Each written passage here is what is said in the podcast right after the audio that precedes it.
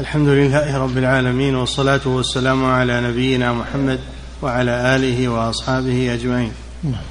أما بعد قال المؤلف رحمه الله تعالى فصل ومحاسبة النفس نوعان نوع قبل العمل ونوع بعده.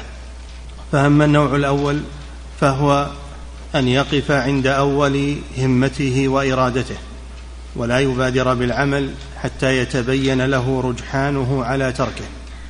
قال نعم. الحسن رحم الله عبدا وقف عند همه فإن كان لله مضى وإن كان لغيره تأخر وشرح هذا بعضهم فقال إذا تحركت النفس لعمل من الأعمال وهم به العبد وقف أولا ونظر هل ذلك العمل مقدور له أم غير مقدور ولا مستطاع فإن لم يكن مقدورا لم يقدم عليه وإن كان مقدورا وقف وقفة أخرى ونظر هل فعله خير من تركه أو تركه خير من فعله؟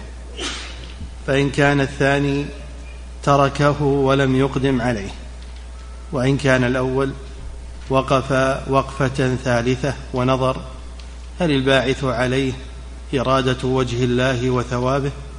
أم إرادة الجاه والثناء والمال من المخلوق فإن كان الثاني لم يقدم عليه وإن أفضى به إلى مطلوبه. لأن بسم الله, الرحمن الرحيم. الحمد لله رب العالمين. صلى الله وسلم على نبينا محمد وعلى آله وأصحابه أجمعين. قال الله تعالى يا أيها الذين آمنوا اتقوا الله ولتنظر نفس ما قدمت لغد. فإذا أراد الإنسان فعل شيء فإنه قبل أن يفعله ينظر هل هذا الشيء مشروع موافق للشرع أو غير موافق للشرع. فإن كان غير موافق للشرع تركه. إن كان موافقا للشرع فإنه ينظر هل يستطيع القيام به أو لا يستطيع. إن كان يستطيع بادر إن كان لا يستطيع تركه. لا بد من هذا. أما المغامرة بدون محاسبة وبدون تفكير فإنها تورط الإنسان ثم لا يحصل على شيء يكون تعبا بلا فائدة. نعم. وقف وقفة ثالثة ونظر هل الباعث عليه إرادة وجه الله وثوابه أم إرادة الجاه والثناء والمال من المخلوق؟ فإن كان الثاني لم يقدم عليه وإن طيب أفضل ثم أيضا بعد أن ينظر هل هذا العمل مشروع موافق للشرع أو مخالف؟ كان مخالفا تركه وإن كان موافقا نظر. بنيته هو هل هو يعمله لوجه الله أو يعمله لغير وجه الله أن يعمله طلب مال أو لطلب مدح من الناس أو غير ذلك. نعم. فإن كان الثاني لم يقدم عليه وإن أفضى به إلى مطلوبه لئلا تعتاد النفس الشرك. الشرك, الشرك الذي هو الشرك في الرياء شرك الرياء الشرك في العمل الشرك في العمل ف والشرك العملي قد يكون طلب الدنيا من كان يريد الحياة الدنيا وزينتها إلى آخر الآية. أو أن شرك النية بأن يرائي بعمله ويريد المدح والثناء والمظهر. هذا لا ينفعه شيئا. لا يقبل الله إلا ما كان خالصا لوجهه. وصوابا على سنة رسوله صلى الله عليه وسلم. وأكثر الناس أكثر الناس مخالفون لهذا. إما أن يكون قصدهم الدنيا والطمع الدنيوي يتخذون العمل الصالح مطية للدنيا وإما أن يكون قصده الرياء والسمعة. كلاهما لا يحصل على شيء فلا يتعب نفسه. في الإقدام على هذا العمل. نعم. لم يقدم عليه وإن أفضى به إلى مطلوبه لئلا تعتاد النفس الشرك ويخف عليها العمل لغير الله. نعم. فبقدر ما يخف عليها ذلك إذا تساهل الإنسان بالشرك الأصغر جره إلى الشرك الأكبر.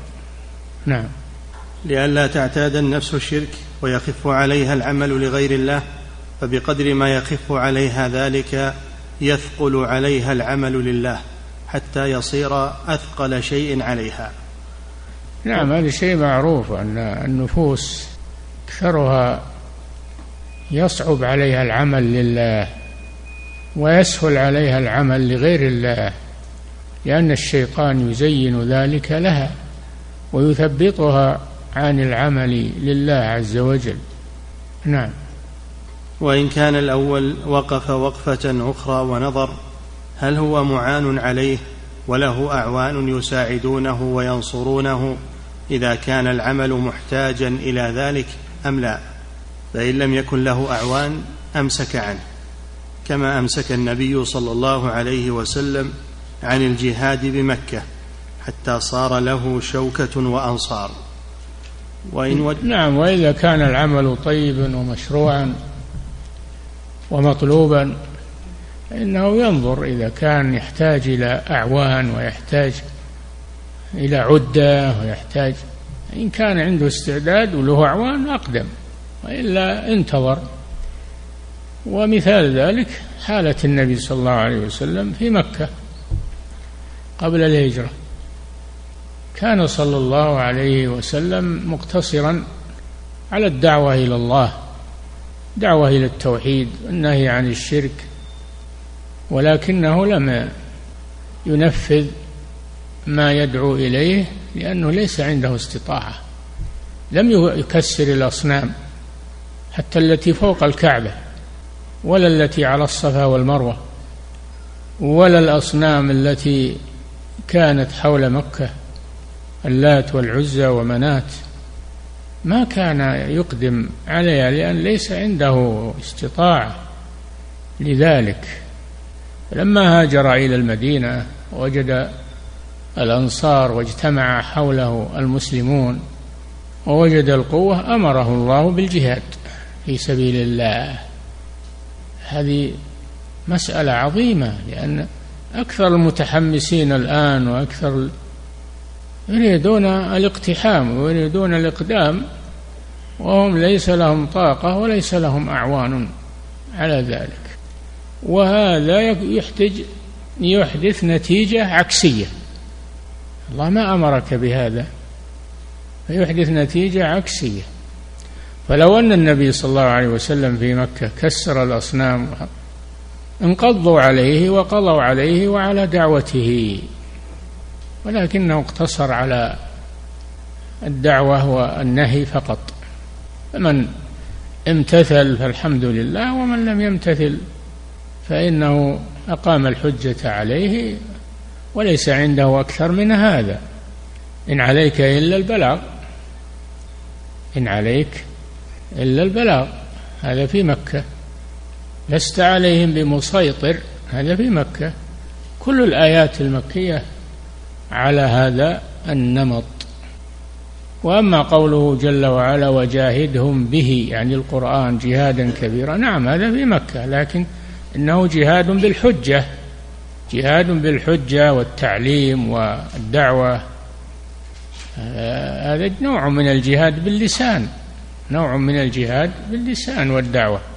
أما الجهاد باليد فهذا يحتاج إلى تحقق النصرة وتحقق القوة والأعوان. فلا يغامر الإنسان بالدين والدعوة. ويقول هذا أمر بالمعروف نهي عن المنكر هذا دعوة. لا يغامر لأن هذا يحدث أثرا عكسيا. نعم فالأمور تحتاج إلى فقه في دين الله. قد يقولون أنتم مخذلون. لا لسنا لسنا مخذلين ولكننا ولكننا متبعون للرسول صلى الله عليه وسلم. الله أمره بالصبر في مكة أمره بالصبر واصبر وما صبرك إلا بالله. أمره بالصبر أمره بالانتظار فمهل الكافرين أمهلهم رويدا أمره بالانتظار لأن الأمور مربوطة ب الأمور مربوطة بأسبابها مربوطة بالإمكانيات. والله جل وعلا يقول لا يكلف الله نفسا إلا وسعها. فذكر إنما أنت مذكر. هذا في مكة. لست عليهم بمسيطر. نعم. المثال القريب أن الشيخ محمد بن عبد الوهاب رحمه الله في بداية دعوته كان يمر على الناس وهم يدعون زيد بن الخطاب الذي قتل في حرب اليمامة رضي الله عنه أخو عمر بن الخطاب. كانوا أقاموا على قبره بنية قبة وصاروا يطوفون به وينادونه فيمر عليهم ويقول الله خير من زيد الله خير من زيد. ولا يزيد على هذه الكلمة لأنه لا يقدر على أكثر منها.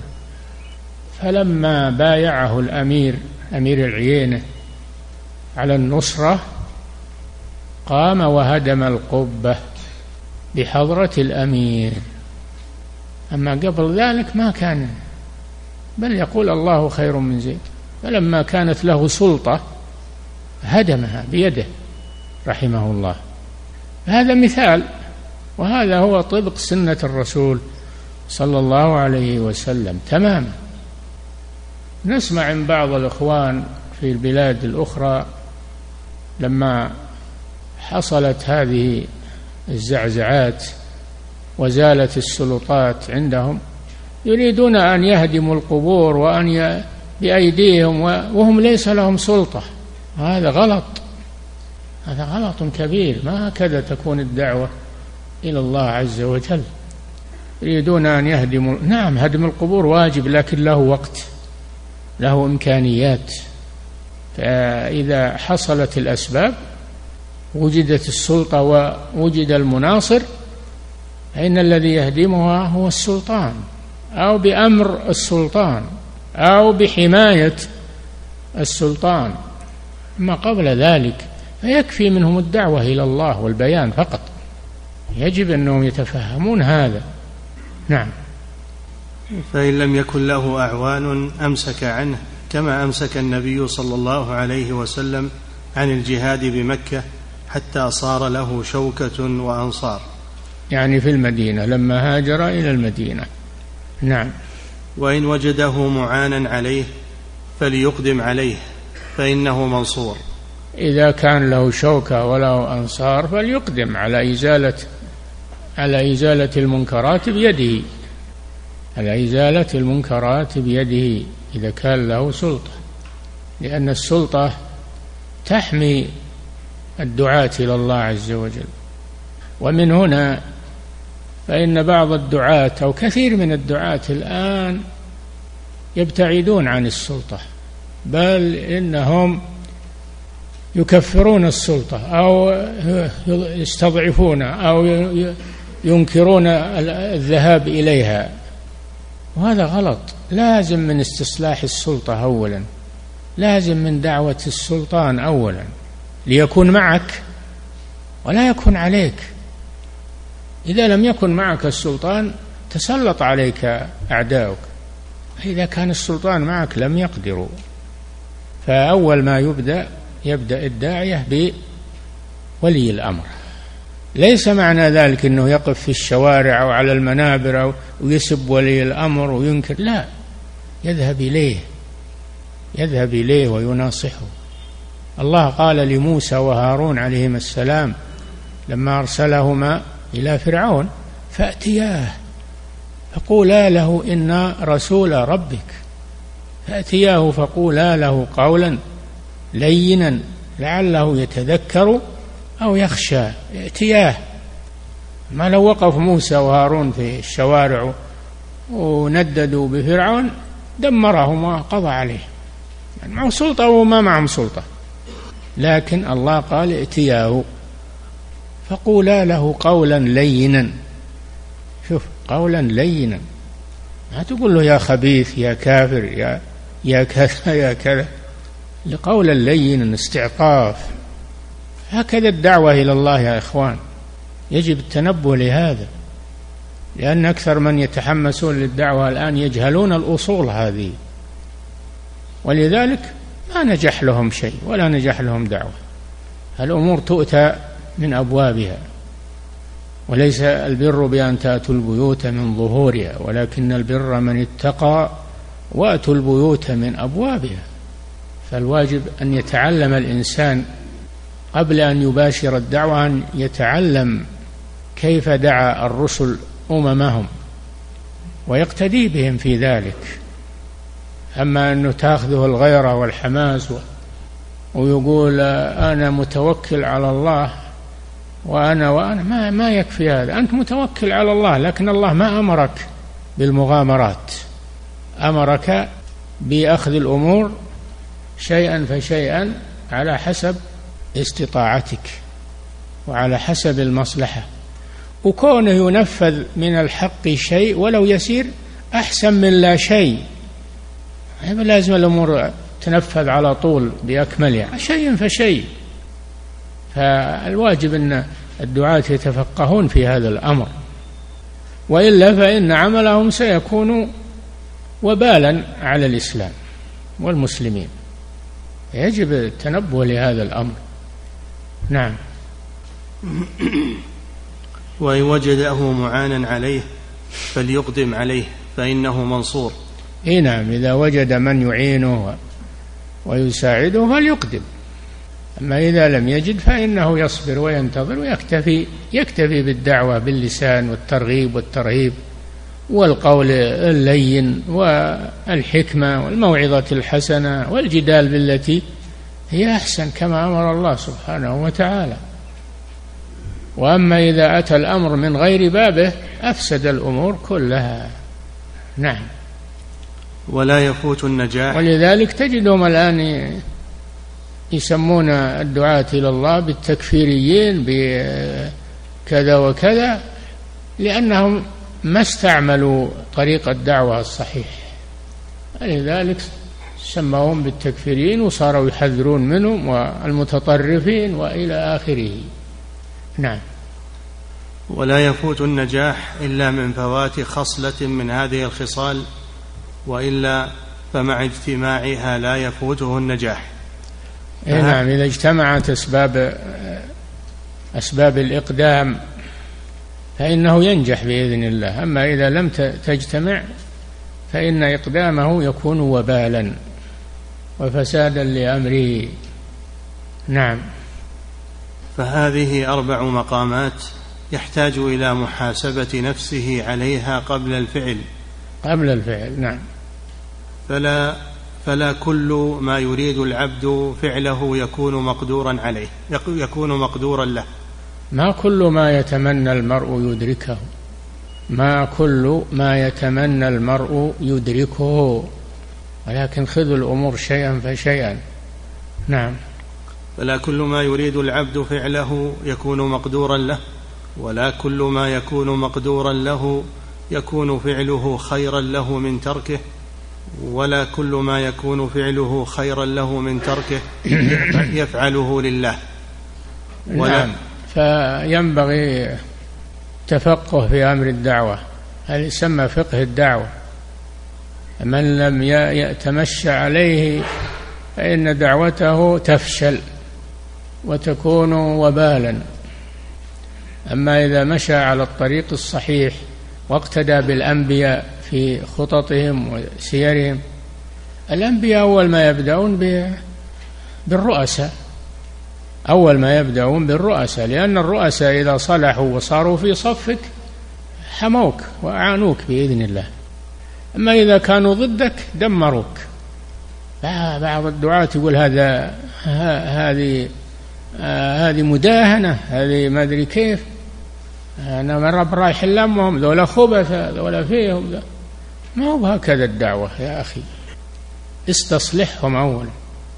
الشيخ محمد بن عبد الوهاب أقرب شيء إلينا. ما أقدم على الدعوة إلا لما تبايع مع الأمير. أول شيء بدأ بالأمير. وأقنعه. فلما أقنعه وتبايع على ذلك مضوا في الدعوة. وكتب الله لها النصر لأنه مشى على الطريق الصحيح. أما أننا نقاطع الولاة ونبتعد عنهم فهذا غلط. نعم. ولا كل ما يكون فعله خيرا له من تركه يفعله لله ولا كل ما يفعله لله يكون معانا عليه. فإذا حاسب نفسه على ذلك تبين له ما يقدم عليه وما يحجم عنه. هو الكلام على الفقه وهو الفهم. فمن رزق الفقه في أموره فإن الله يوفقه. قال صلى الله عليه وسلم من يرد الله به خيرا يفقهه في الدين.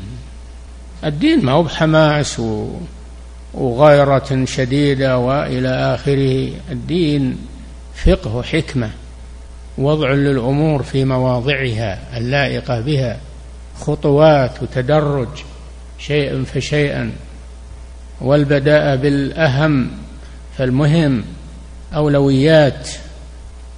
أما الثورة على الولاة ومقاطعة الولاة والتنديد بالولاة فهذا يزيد الشر شرا وهذا يفرح الأعداء ويسر يفرح الأعداء ويغيظ الأصدقاء ولا ينتج شيئا. وولي الأمر إذا صلح أصلح الله به وكان عونا لأهل الخير. وإذا قوطع ولي الأمر صار ضدنا وضد الدعوة وضد إلى آخره. ينبغي معرفة هذه الأمور. نعم. فصل. النوع الثاني محاسبة النفس بعد العمل. نعم محاسبة النفس بعد العمل هل حصل فيه تقصير؟ هل حصل فيه نقص؟ هل نعم. النوع الثاني محاسبة النفس بعد العمل وهو ثلاثة أنواع. أحدها محاسبتها على طاعة قصرت فيها من حق الله فلم توقعها على الوجه الذي ينبغي. أي نعم عن التقصير. حاسب نفسه عن التقصير الذي حصل في عمله. النبي صلى الله عليه وسلم كان إذا سلم من الصلاة يقول أستغفر الله أستغفر الله أستغفر الله. ثلاث مرات.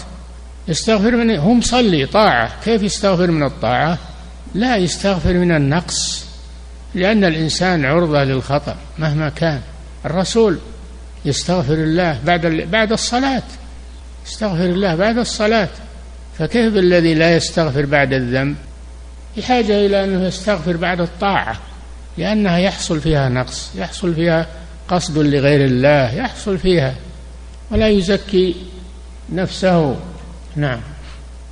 وحق الله في الطاعة بمراعاة ستة أمور قد تقدمت وهي الإخلاص في العمل.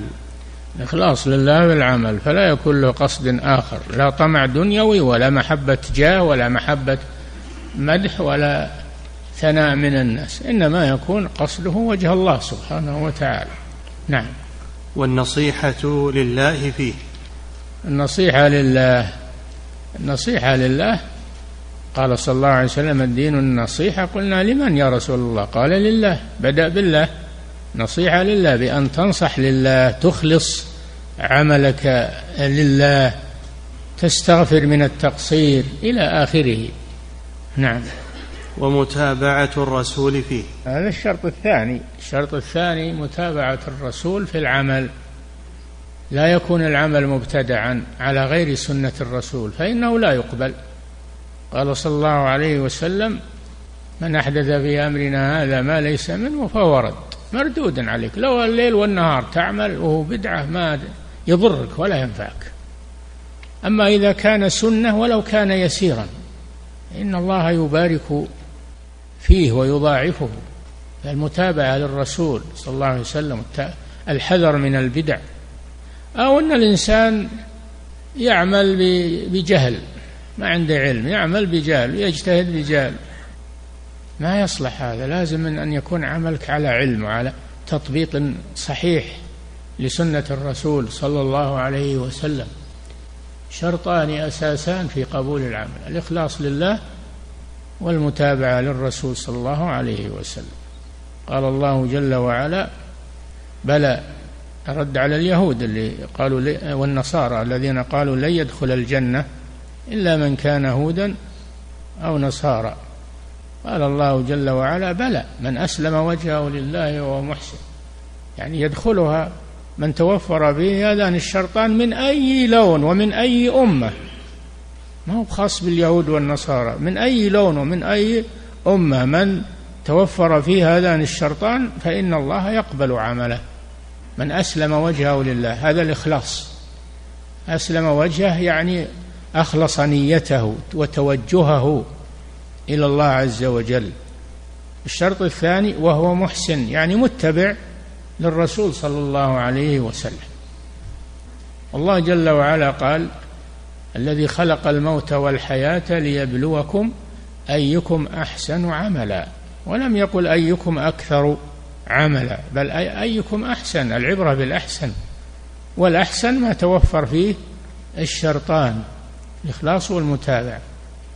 ولهذا قال الفضيل بن عياض رحمه الله لما قرأ هذه الآية الآية ليبلوكم أيكم أحسن عملا قال أخلصه وأصوبه.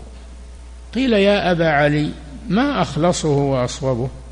قال أخلصه أن يكون خالصا لوجه الله وأصوبه أن يكون صوابا على سنة رسول الله صلى الله عليه وسلم. فإن العمل إذا كان خالصا ولم يكن صوابا لم يقبل وإذا كان صوا وإذا كان صوابا ولم يكن خالصا لم يقبل حتى يكون خالصا صوابا. بهذين الشرطين. إنا جعلنا ما على الأرض زينة لها لنبلوهم أيهم أحسن عملا. ما قال أيهم أكثر عملا بل قال أيهم أحسن. فالعبرة بالأحسن لا ولو كان قليلا وليست العبرة بالأكثر إذا لم يكن أحسن. نعم.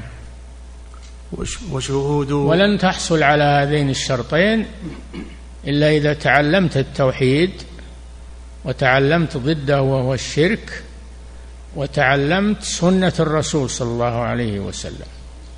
ما يحصل إلا بهذا. نعم. وشهود مشهد الإحسان فيه. نعم. وشهود مشهد الإحسان فيه. وهو الإخلاص. الإحسان فيه هو المتابعة للرسول صلى الله عليه وسلم. نعم. وشهود منة الله عليه فيه. نعم. وشهود تقصيره فيه بعد ذلك كله. لا يزكي نفسه فلا تزكوا أنفسكم. هو أعلم بمن اتقى. ألم ترى إلى الذين يزكون أنفسهم؟ بل الله يزكي من يشاء ولا يظلمون فتيلا. فلا تزكي نفسك ولا تمدح نفسك ولكن اعتبر نفسك مقصرا مهما عملت لأنك لا تدري هل عملك صحيح أو غير صحيح هل هو مقبول أو غير مقبول. ما تدري. الله جل وعلا يقول إنما يتقبل الله من المتقين. وهل تضمن لنفسك أنك من المتقين؟ نعم. فيحاسب نفسه هل وفى هذه المقامات حقها؟ وهل أتى بها في هذه الطاعة؟ هذا يحتاج إلى علم ودراسة يحتاج إلى تعلم وتفقه في دين الله. نعم. الثاني أن يحاسب نفسه على عمل كان تركه خيرا له من فعله. نعم. الثالث أن يحاسب نفسه على أمر مباح أو معتاد لما فعله وهل أراد به الله والدار الآخرة فيكون رابحا فيه أو أراد به الدنيا وعاجلها. فالعادات العادات تتحول إلى عبادات. إذا أراد بالنوم مثلا أن يقوم لصلاة لصلاة الوتر والتهجد صلاة الفجر مع الجماعة فإن نومه يكون عبادة. النوم أنت نايم وأنت في عبادة. لأنك تقصد في هذا أن تتقوى به على طاعة الله عز وجل. كذلك نوم الصائم من أجل أن يتقوى على الصيام يكون عبادة أيضا. يؤجر عليه يؤجر على النوم. شوف يؤجر على النوم. لأنه يقصد به التقوي على عبادة الله. العادات تتحول إلى عبادات. إذا صلحت نية العبد فيها ونوى بها تقوي على العمل الصالح. نعم. ثالثا يحاسب نفسه على أمر مباح أو معتاد لما فعله وهل أراد به الله والدار الآخرة؟ اي نعم. فإذا كان أراد به الله وهو مباح. إذا أراد به الله والدار الآخرة صار عبادة. نعم. وهل أراد به الله والدار الآخرة فيكون رابحا فيه أو أراد به الدنيا وعاجلها فيخسر ذلك الربح ويفوته الظفر به. نعم. من كان يريد الحياة الدنيا نوفي إليهم أعمالهم فيها وهم فيها لا يبخسون. أولئك الذين ليس لهم في الآخرة إلا النار. حبط ما صنعوا فيها وباطل ما كانوا يعملون. الذي يريد بعمله الدنيا عمل الآخرة يريد به الدنيا هذا خاسر. وعمله تعب بلا بلا فائدة. فعلى المسلم يخلص نيته لله عز وجل حاسب نفسه على نيته بهذا العمل. يحذر من أن يكون قصده طمع الدنيا في عمل الآخرة أن يكون قصده مدح الناس أن يحاسب نفسه عن ذلك. وإلا فإنه تعب بلا بلا فائدة بل مضرة. ولن يحصل له من الدنيا إلا ما كتب له. عجلنا لمن كان يريد الحياة الدنيا ما ما عجلنا له فيها ما نشاء لمن نريد لمن نريد. قيده بالإرادة. فقوله نوفي إليهم أعمالهم هذا مطلق. يحمل على الآية الثانية. نوفي آه، يحمل على الآية الثانية. عجلنا له ما نشاء. لمن نريد؟ ربطه بالمشيئة والإرادة من الله عز وجل. نعم. بهذا القيد. نعم. فصل وأضر ما عليه الإهمال وترك المحاسبة. والاسترسال وتسهيل الأمور هذا هذا يعني بعد الفصل الأول يبين أنه إذا لم يتحقق ما ذكره في الفصل الأول فإن عمله لن يكون مفيدا ولا نافعا. نعم.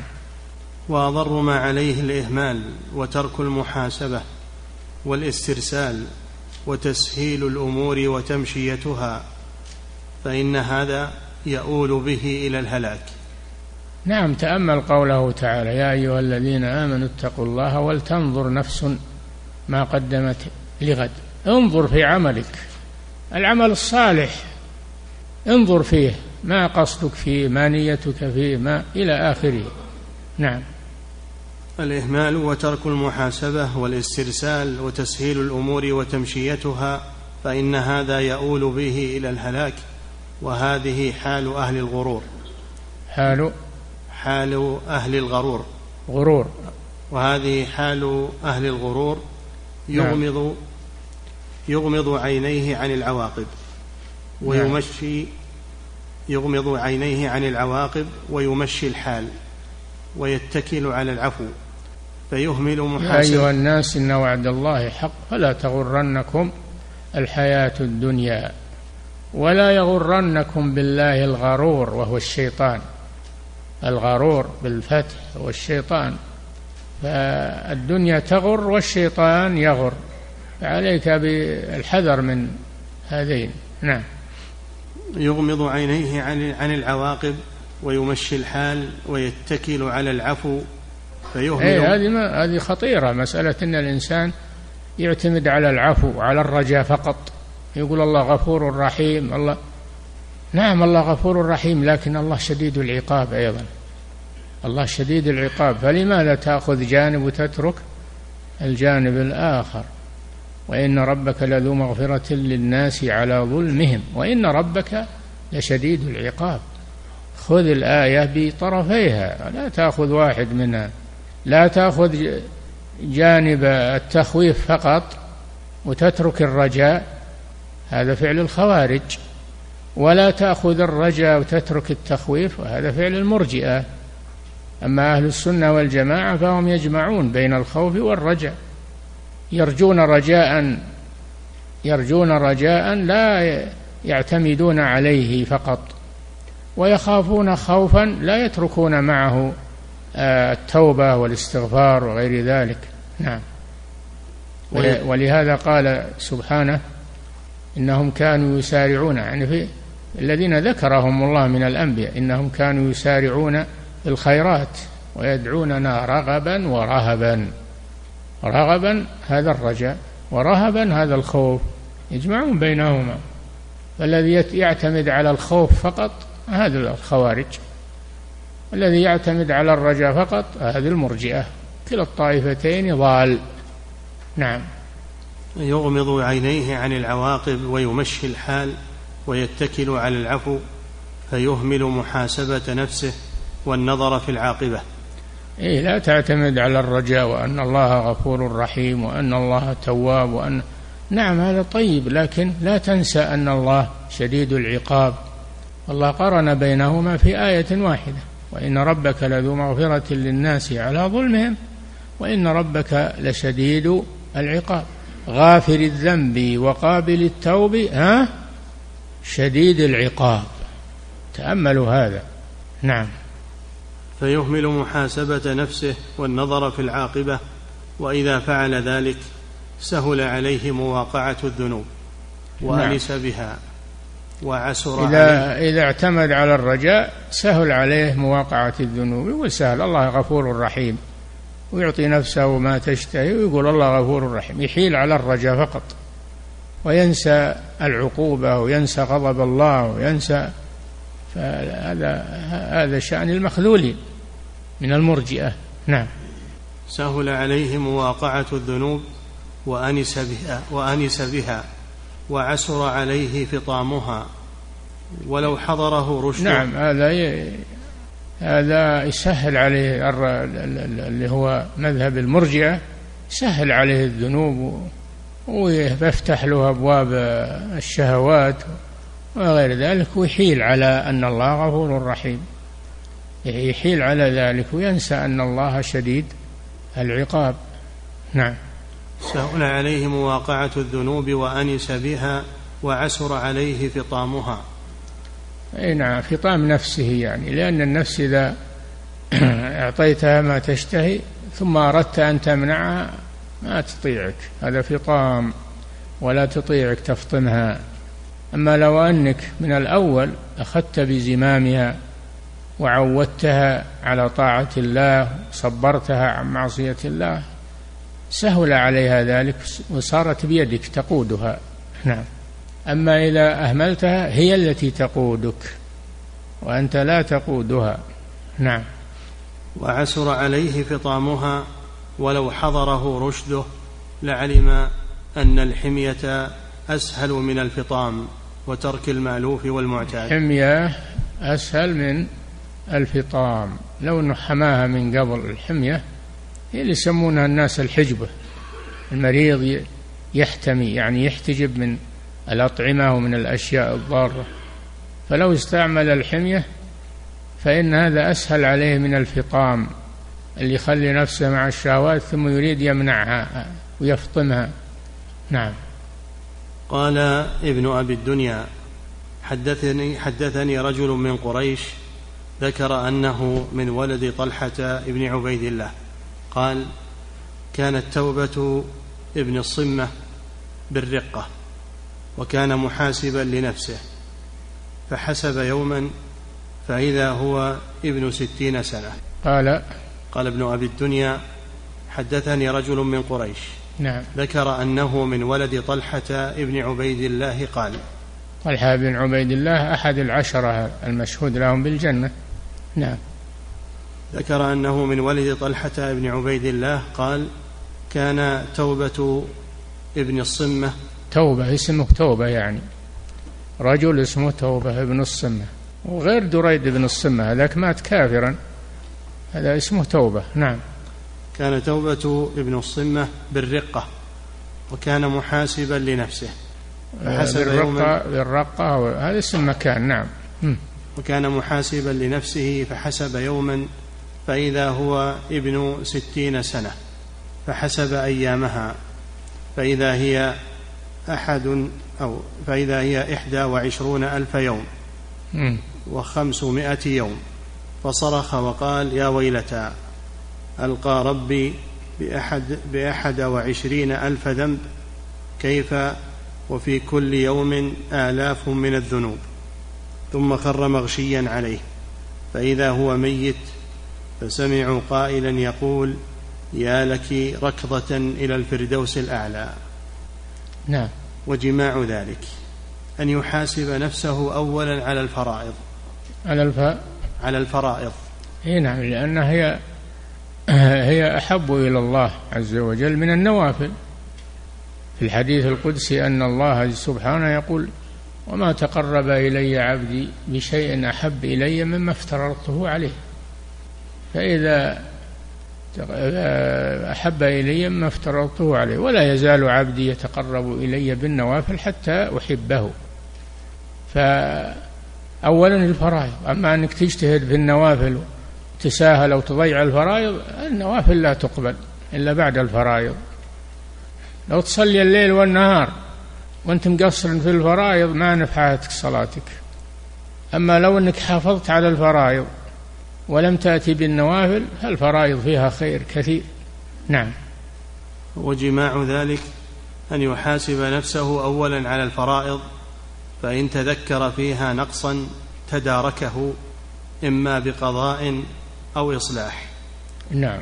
ثم يحاسبها على المناهي فإن عرف أنه ارتكب منها شيئا تداركه بالتوبة والإستغفار والحسنات الماحية. هذا شيء يسير إذا صرت على قيد الحياة ولك ذنوب. عندك الحل يسير. أن تتوب إلى الله ويمحو الله ذنوبك كلها بكلمة واحدة. تستغفر الله وتتوب إليه بصدق فيمحو الله جميع خطاياك سيئاتك. لكن إذا مت وأردت أن أن تطلب العودة إلى الدنيا يقال له لك هيهات لا رجوع إلى الدنيا. وعند الموت كل إنسان يندم عند الموت. إن كان محسنا يندم أن لا يكون ازداد. وإن كان مسيئا يندم أن لا يكون تاب إلى الله عز وجل. نعم. فإن عرف أنه ارتكب منها شيئا تداركه بالتوبة والاستغفار والحسنات الماحية. التوبة والاستغفار هذا مما يمحو الله به الذنوب إذا تقبله الله ثم الحسنات إن الحسنات يذهبن السيئات وهي الفرائض. الفرائض يكفر الله بها الخطايا الصغائر في اليوم والليلة خمس مرات. نعم. ثم يحاسب نفسه على الغفلة فإن كان قد غفل عما خلق له تداركه بالذكر والإقبال على الله. أي نعم. فيستدرك يستدرك ما فاته بإمكانه. نعم.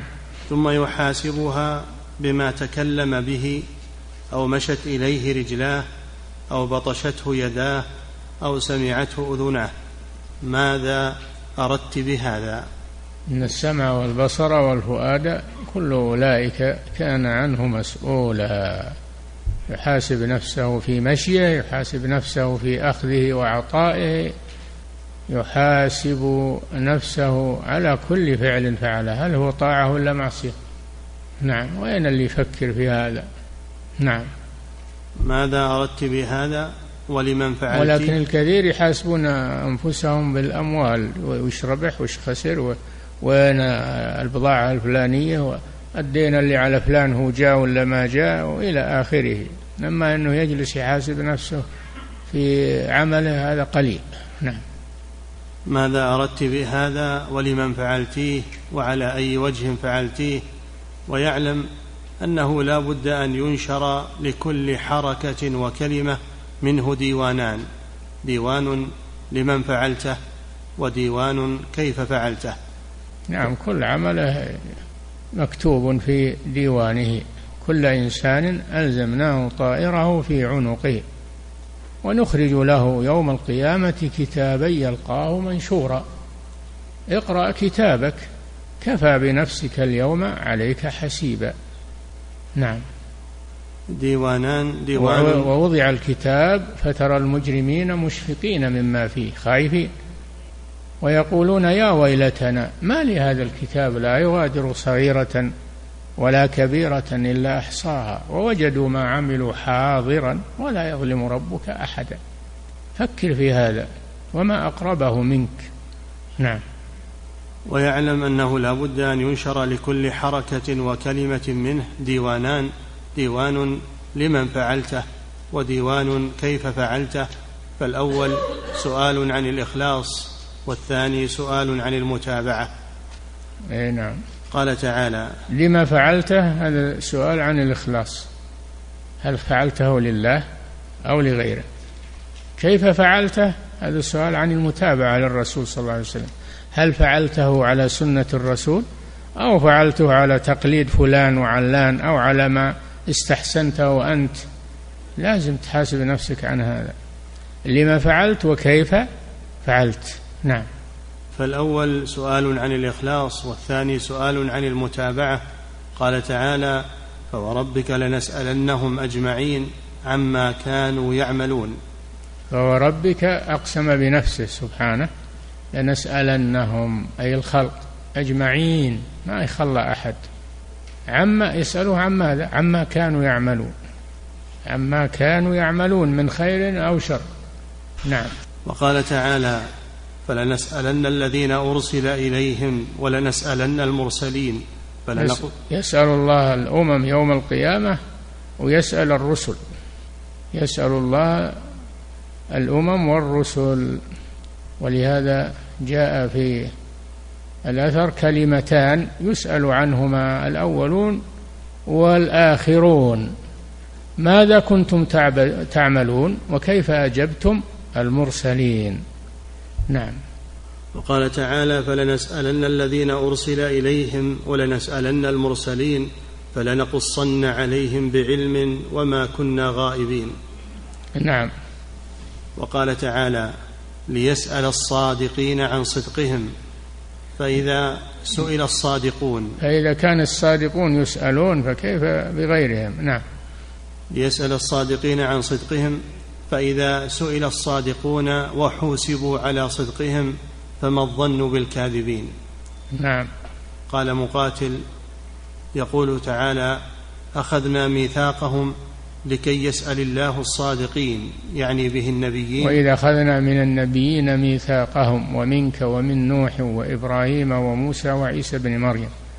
وأخذنا منهم ميثاقا غليظا ليسأل الصادقين عن صدقهم ويعذب المنافقين. نعم.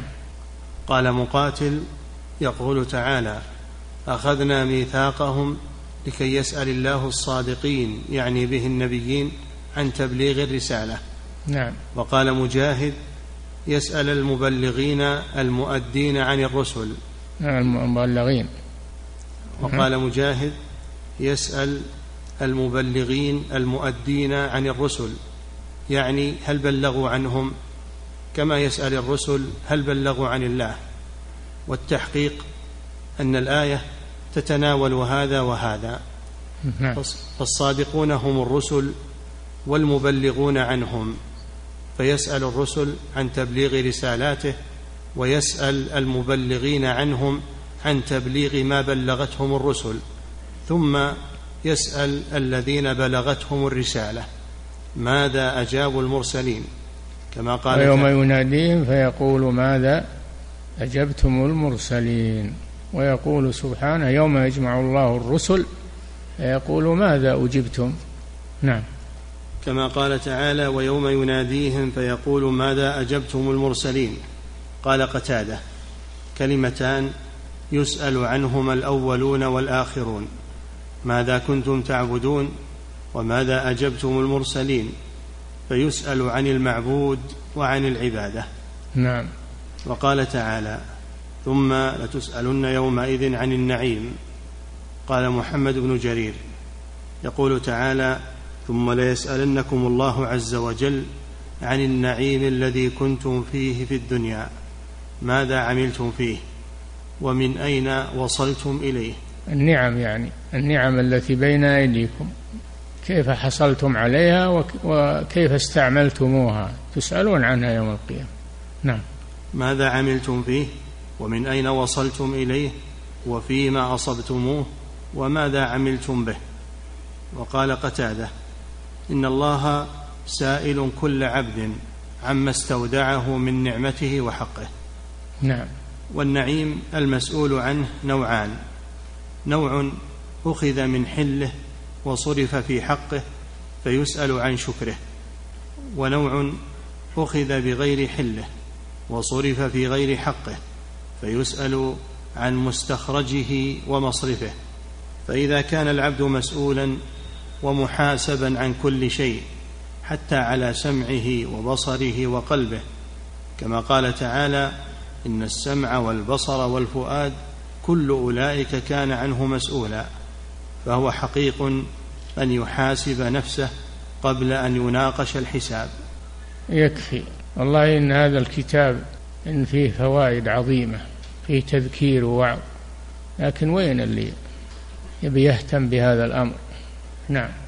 فضيلة الشيخ وفقكم الله هناك من يقول بأنه بالنسبة للجهاد لا يقاس حالنا على حال النبي صلى الله عليه وسلم فإنه قد كان بمكة بين كفار ومشركين وأما نحن فمسلمون بين مسلمين في بلاد الإسلام. إذا كان هذا مع المشركين فكيف لا يكون مع المسلمين؟ يا أخي فكر في هذا. إذا كان الرسول مع المشركين والكفار مأمورا بهذا الأمر وهو الصبر وعدم عدم مد اليد وعدم حتى يأتي الفرج فيما بعد. فكيف إذا كنت مع المسلمين؟ ما تأخذ الأمور على هذا المنوال. إن كان لك مقدرة وسلطة فإنك تأخذ بالسلطان وإن كان مالك مقدرة فإنك تكتفي بالتبليغ والوعظ فقط وليس لك سلطة عليه. النبي صلى الله عليه وسلم قال من رأى منكم منكرا فليغيره بيده. هذا إذا كان له سلطة. فإن لم يستطع فبلسانه فإن لم يستطع فبقلبه. هذا عام في المنكر سواء كان الكفر أو الشرك أو المعاصي. تؤخذ الأمور شيئا فشيئا. وهذا يحتاج إلى تعلم. هؤلاء ما تعلموا في الواقع. عندهم غيرة وحماس لكن ما تعلموا. ما تعلموا. مشكلة. نعم. فضيلة الشيخ وفقكم الله. هذا سائل من خارج هذه البلاد يقول نحن في بلاد كفر وإدارة المساجد عندنا في تلك البلاد في أيدي أهل البدع من الماتريدية والأشاعرة.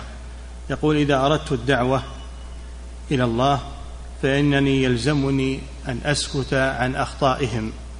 فهل علي أن أتقدم لأقوم بعملي في الدعوة في ذاك البلد مع السكوت عن أخطاء هؤلاء؟ يا أخي خذ الأمر بالتدريج واعمل ما تستطيع ولا يسألك الله عما لا تستطيع. خذ الأمر بالتدريج شيئا فشيئا. ما تنكر الأمور جميع جملة واحدة. بل تأخذ الأمر بالتدريج شيئا فشيئا والعرض الحكمة والموعظة الحسنة. لا تغيب عنك هذه الآية. والجدال بالتي هي أحسن. لكن الأساس أنك تتعلم قبل. أما من يأمر وينهى ويدعو على غير علم وبصيرة بل يعتمد على الغيرة وعلى هذا ما مشكلة. وهذه آفة المسلمين اليوم. الجهل الجهل الجهل. نعم. فضيلة الشيخ وفقكم الله يقول هناك هناك بعض الناس يحتج بأنه لا يمكنه أن يصل إلى ولي الأمر لكي يناصحه مباشرة فلا توجد له وسيلة إلا المنبر. يقول لا, لا المنبر لا وألف لا. إن كان ما تستطيع الوصول إليه ولا مراسلته فأنت معذور يا أخي. اسكت لما تستطيع وحصل لك فرصة. أما المنبر لا ما يجوز هذا. نعم. فضيلة الشيخ وفقكم الله يقول ذكرتم حفظكم الله أن أول ما يبدأ به الداعي أنه يدعو الرؤساء والأمراء. يقول إذا رجع هؤلاء الطلاب الذين عندكم إلى بلادهم وبعضهم بلادهم بلاد كفر يقول هل يبدأون بما ذكرتموه أيضا من البداءة إذا أمكن إذا أمكن يبدأون به إيه. حسب الإمكان إذا أمكن يبدأون به. نعم. فضيلة الشيخ الله ما استطعتم. يقول الله جل وعلا فاتقوا الله ما استطعتم. تأخذون الأمور على طول من غير ضوابط ما يصلح هذا. نعم. فضيلة الشيخ وفقكم الله يقول هل الأولى بالدعاة والعلماء وطلبة العلم الذين يقيمون في بلاد تحمي الشرك وتحمي أهله؟ هل الأولى بهم أن يهاجروا من تلك البلاد؟ يجب عليهم ذلك. إذا قدروا على الهجرة يجب عليهم ذلك. وإذا لم يقدروا فإنهم يتمسكون بدينهم إلى أن ييسر الله لهم الهجرة. يكونون من المستضعفين. إلا المستضعفين من الرجال والنساء. لا يستطيعون حيلة ولا يهتدون سبيلا. أولئك عسى الله أن يعفو عنهم. نعم. ثم يقول حفظك الله وهل يقال بأن لهم البقاء لأجل استصلاح الوضع واستصلاح الأمير هناك؟ إذا أمكن إذا كان بقائك هناك أصلح ويرجى من ورائه ثمرة كبيرة تبقى. ولذلك الدعاة يسافرون ويدعون إلى الله عز وجل إلى بلاد الكفار. هذا من الأمور التي يجوز فيها السفر أو يستحب أو يجب السفر إلى بلاد الكفار من أجلها وهي الدعوة إلى الله عز وجل. نعم. فضيلة الشيخ وفقكم الله يقول بالنسبة للدعاة إذا كان ولي الأمر في بلدهم ومن معه على منهج مبتدع ومنحرف يقول هل ينصح هؤلاء الدعاة بالابتعاد عنه؟ عنه عن عن ولي الأمر الذي لا على لا ما ما يصلح الابتعاد ما دام ما منع فإنه يبدأ بولي الأمر لكن بداية باللطف والحكمة والموعظة الحسنة والاستمالة له فأتياه فقولا له قولا لينا لعله يتذكر أو يخشى وإلا على الأقل تبري ذمتك وتقيم الحجة. نعم. فضيلة الشيخ وفقكم الله يقول في بعض البلاد المسلمة يتعرض الدعاة السلفيون إلى الأذى من قبل أصحاب المناهج المنحرفة خاصة من قبل التكفيريين بل ربما اغتيل بعض الدعاة السلفيين على يد هؤلاء بسبب التحذير من منهجهم وبيان باطلهم. سؤاله هل تنصحون بعدم التعرض مجاهرة لما هم عليه هؤلاء التكفيريون وعدم ذكرهم على وجه الخصوص أما النصيحة في ذلك؟ اتقوا الله ما استطعتم وابدأ الأمور شيئا فشيئا. لا بالمصادمة ولا بالشدة وإنما باللطف واللين والاستمالة شيئا فشيئا. نعم. لا تنسى هذه الآية. ادعو إلى سبيل ربك بالحكمة والموعظة الحسنة وجادلهم بالتي هي أحسن. هذه منهج الدعوة.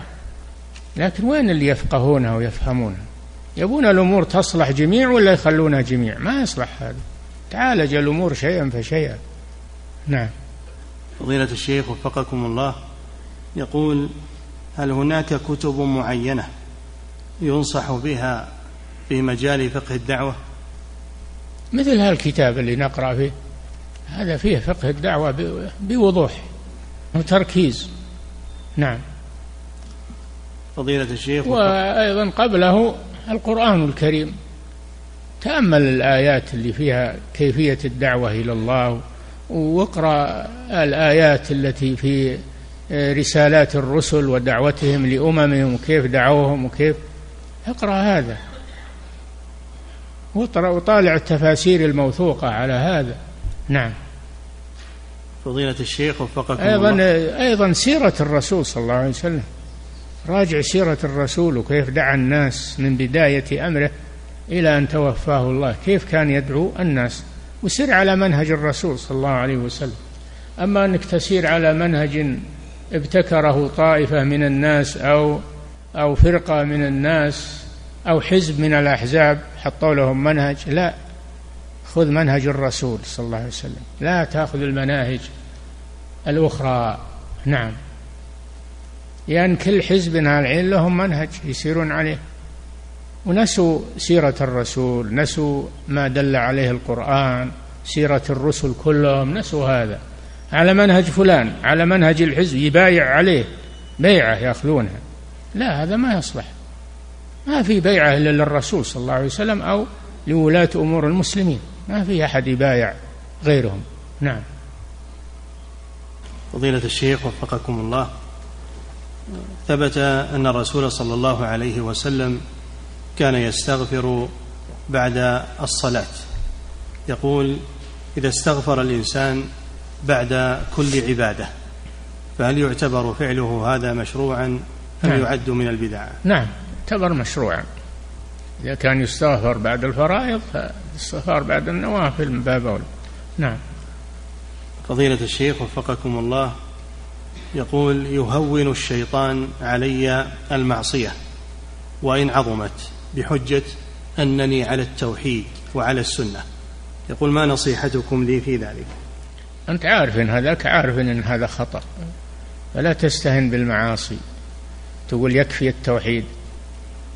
التوحيد يحتاج إلى عمل. يحتاج إلى عمل. إلى عمل الطاعات وترك المخالفات والمعاصي. نعم. فضيلة الشيخ وفقكم الله. القول بأن العادة قد تتحول إلى عبادة إذا حسنت النية. ألا يفتح هذا باب الابتداع في الدين؟ لا لا يا أخي. إذا نمت أول الليل تقول هذا بدعة الرسول صلى الله عليه وسلم كان ينام أول الليل.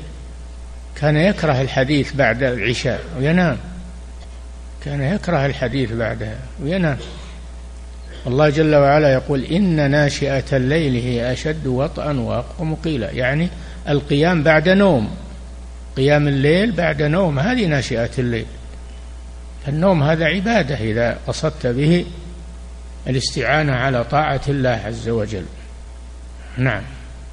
فضيلة الشيخ وفقكم الله بالنسبة للخوف والرجاء في القلب يقول هل يشترط التسوية بينهما أم نعم. يرج بالنسبة للخوف والرجاء في القلب؟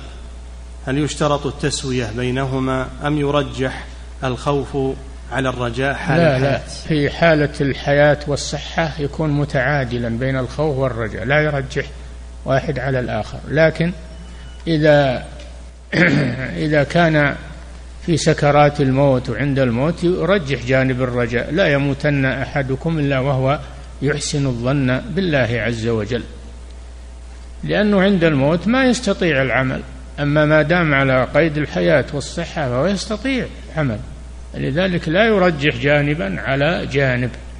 نعم يقولون أن المؤمن بين الخوف والرجاء كالطائر بين جناحيه.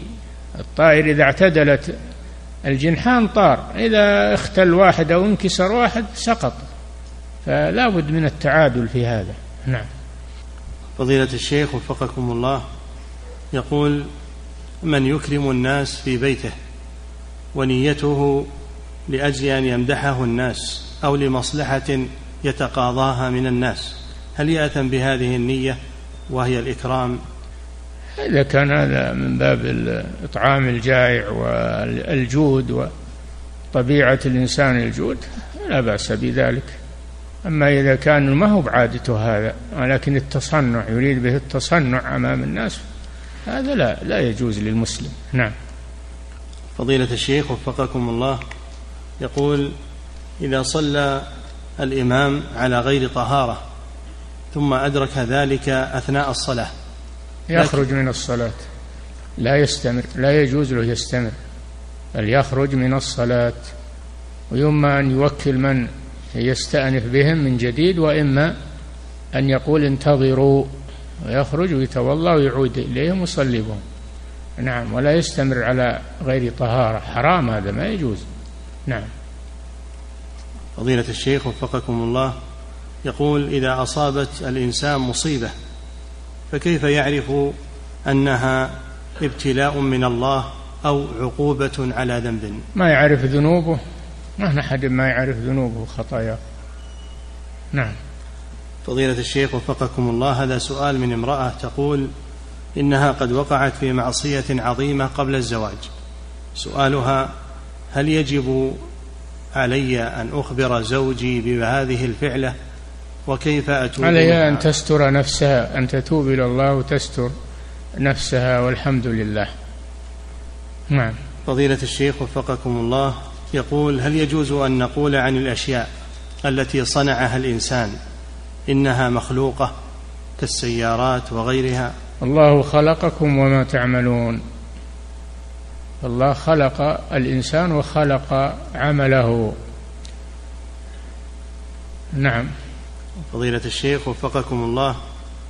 في قول الله تعالى ولو, ولو علم الله فيهم خيرا لأسمعهم. يقول أشكل علي ولو علم الله. ما معناها؟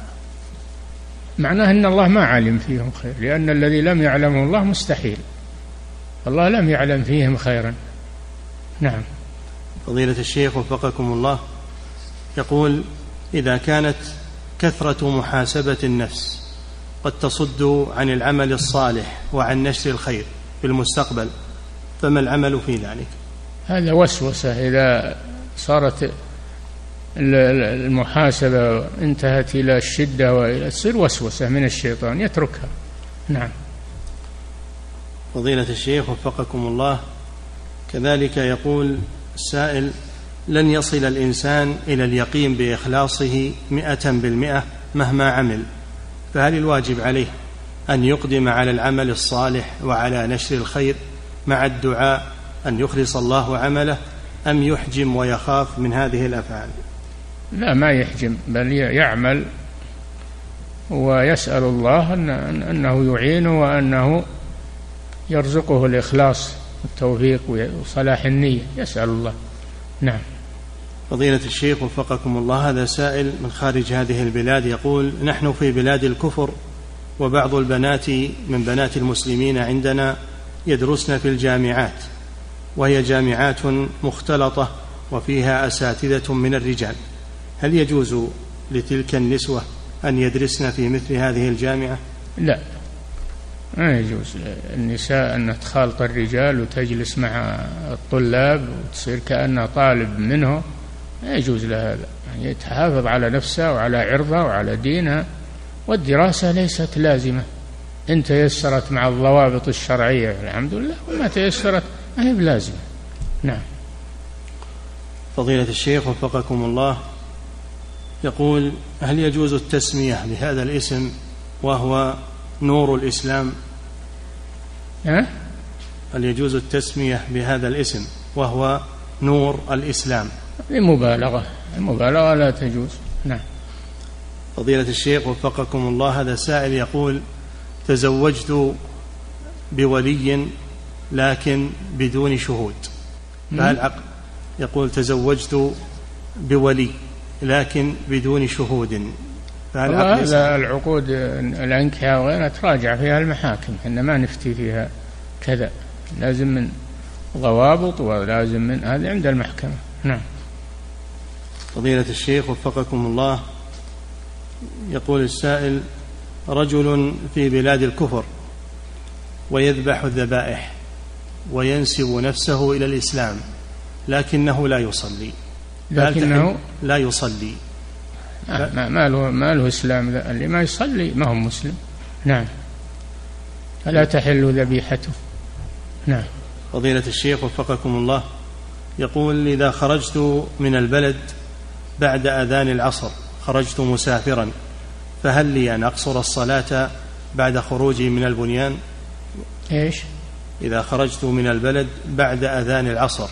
إذا أذن العصر وأنت في البلد فلا تقصر يجب عليك الصلاة تامة أما إذا خرجت من البنيان قبل الأذان قبل دخول الوقت نعم تعتبر مسافرا. نعم.